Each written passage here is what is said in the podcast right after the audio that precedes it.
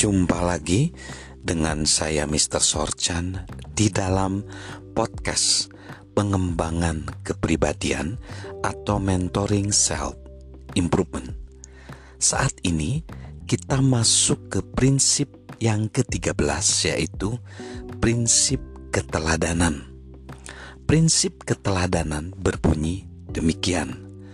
Sulit untuk bertumbuh jika kita tidak mempunyai seseorang untuk diteladani kecuali diri sendiri.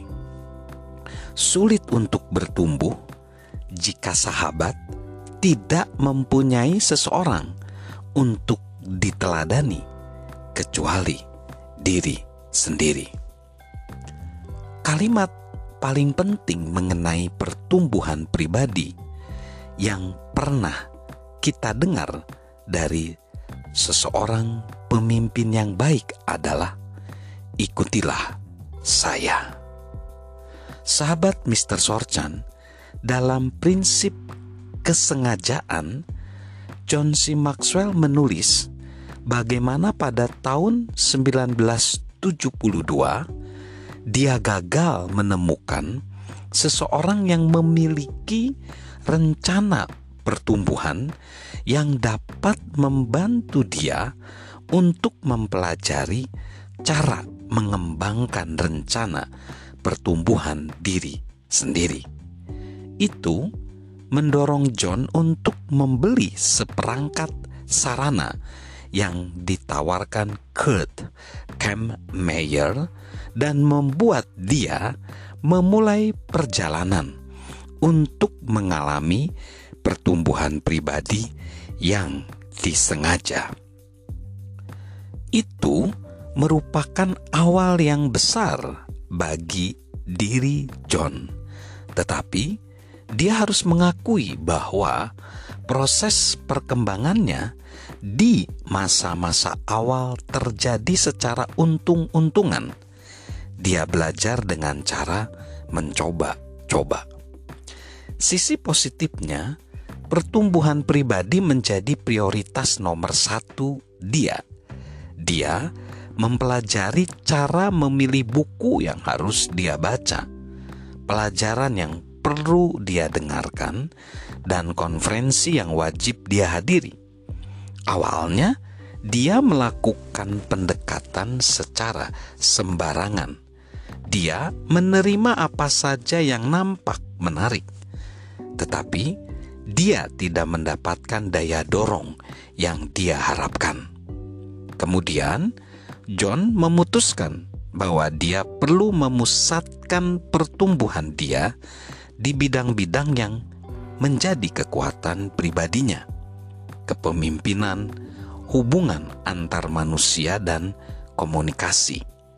Saat dia melakukannya, keefektifan pertumbuhan dia mulai meningkat dia juga mulai mempelajari cara menarik pelajaran dari apa yang tengah dia tekuni. Sumber daya tidak akan banyak berarti bila kita tidak dapat menarik hal-hal penting yang kita butuhkan. Itu berarti belajar untuk membuat catatan yang berguna, mengumpulkan kutipan, dan merenungkan apa yang sedang dia pelajari. John sering menyimpulkan apa yang tengah dia pelajari dan menuliskan pokok-pokok tindakan yang penting bagi dia di dalam bagian sampul sebuah buku. Dan itu berarti mengumpulkan, mengelompokkan, dan mengarsipkan kisah dan kutipan setiap hari.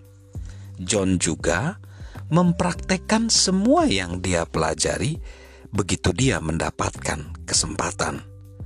Semua latihan ini menjadi bagian dari disiplin harian dia dan telah berlangsung selama 40 tahun terakhir mobil daripada John menjadi ruang kelas dia saat dia mendengarkan rekaman Kemudian dia juga mendengarkan CD. Meja kerja di ruang belajar dia pun selalu dipenuhi tumpukan buku-buku yang tengah dia pelajari. Arsip dia juga terus berkembang. Dia bertumbuh, kepemimpinan dia meningkat dan dia melihat hasil yang lebih baik secara profesional. Sisi negatifnya, dia menyadari hal ini pada saat bersamaan. Pertumbuhan pribadi tanpa didampingi pembimbing pribadi tidak akan membawa dia untuk melangkah maju. Jadi, dia ingin menjadi pemimpin seperti yang dia inginkan, dan dia percaya bahwa Tuhan menciptakan dia demikian dia perlu menemukan teladan-teladan yang telah mendahului dia yang dapat dia pelajari. Mengapa? Karena memang sulit untuk memperoleh kemajuan bila tidak ada orang lain yang dapat kita jadikan teladan.